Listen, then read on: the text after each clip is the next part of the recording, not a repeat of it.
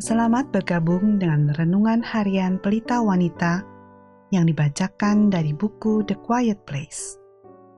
Pembacaan Alkitab hari ini diambil dari Kejadian 32 ayat 22 sampai 32. Pada malam itu, Yakub bangun dan ia membawa kedua istrinya, kedua budaknya perempuan, dan kesebelas anaknya dan menyeberang di tempat penyeberangan Sungai Yabok. Sesudah ia menyeberangkan mereka, ia menyeberangkan juga segala miliknya. Lalu tinggallah Yakub seorang diri, dan seorang laki-laki bergulat dengan dia sampai fajar menyingsing.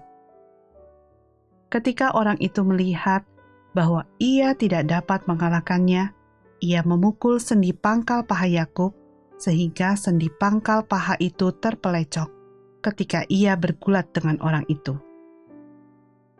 Lalu kata orang itu, "Biarkanlah aku pergi, karena fajar telah menyingsing."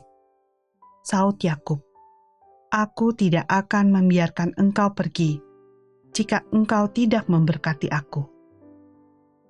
Bertanyalah orang itu kepadanya, "Siapakah namamu?" Sautnya, Yakub. Lalu kata orang itu, "Namamu tidak akan disebutkan lagi Yakub, tetapi Israel, sebab engkau telah bergumul melawan Allah dan manusia, dan engkau menang." Bertanyalah Yakub, "Katakanlah juga namamu."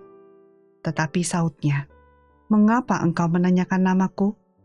Lalu diberkatinyalah Yakub di situ Yakub menamai tempat itu Peniel, sebab katanya, Aku telah melihat Allah berhadapan muka, tetapi nyawaku tertolong.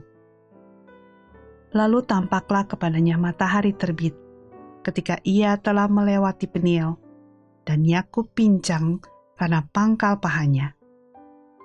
Itulah sebabnya sampai sekarang orang Israel tidak memakan daging yang menutupi sendi pangkal paha karena dia telah memukul sendi pangkal paha Yakub pada otot pangkal pahanya. Ayat kunci hari ini adalah dari Kejadian 32 ayat 27. Bertanyalah orang itu kepadanya, "Siapakah namamu?" Sautnya, "Yakub." Identitas yang diubahkan tema yang berulang kali ditemukan dalam kitab suci adalah bahwa Allah menggunakan hal-hal yang rusak dan orang-orang yang remuk hati.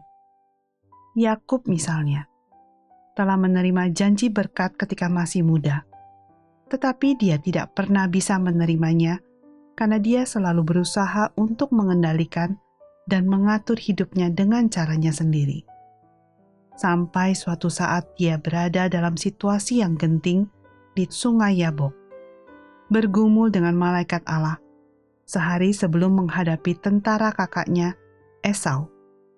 Saat itu, barulah dia mengalami berkat yang telah lama hilang daripadanya. Saya bertanya-tanya, selama perjuangannya yang sulit dan tidak mungkin dia menangkan, apakah Yakub mengingat kembali momen itu bertahun-tahun sebelumnya? Ketika ayahnya yang buta dan lanjut usia, Ishak berkata kepadanya, "Ya anakku, siapakah engkau?" Kejadian 27 ayat 18. Akulah Esau. Yakub menjawab dengan tipu muslihat, mencoba untuk mendapatkan berkat dari ayahnya dengan nafsu pribadi dan cara yang tidak jujur. Namun kali ini didominasi oleh seseorang yang jauh lebih kuat, dia menjawab pertanyaan serupa dengan jawaban yang mencerminkan hati dan nafsu pribadi yang telah ditundukkan oleh anugerah. Siapakah namamu? Yakub. Kali ini, tanpa berpura-pura, tanpa mengada-ngada, tanpa maksud tersembunyi, tanpa pembenaran diri, hanya kebenaran apa adanya. Akulah Yakub, yang merancang tipu muslihat, yang telah menipu, yang telah memanipulasi orang lain, itulah aku yang sebenarnya.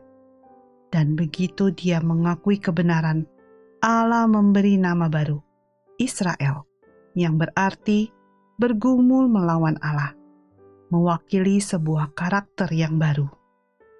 Dengan mengakui kekalahan, Yakub justru mendapatkan kemenangan tertinggi. Setelah kekuatannya sendiri hancur, yang selalu diingatkan oleh kakinya yang pincang sejak hari itu. Allah dapat memakaikan jubah kekuatan spiritual kepadanya. Apakah Anda ingin menjadi alat yang dapat digunakan tangan Allah? Berkat dan kekuatannya mengalir melalui mereka yang benar-benar remuk hati di hadapannya. Sebagai penutup, mari kita renungkan pertanyaan ini. Apakah Anda mencoba mempertahankan kendali, memanipulasi Allah untuk memenuhi tujuan Anda daripada menyerahkan diri Anda untuk tujuannya?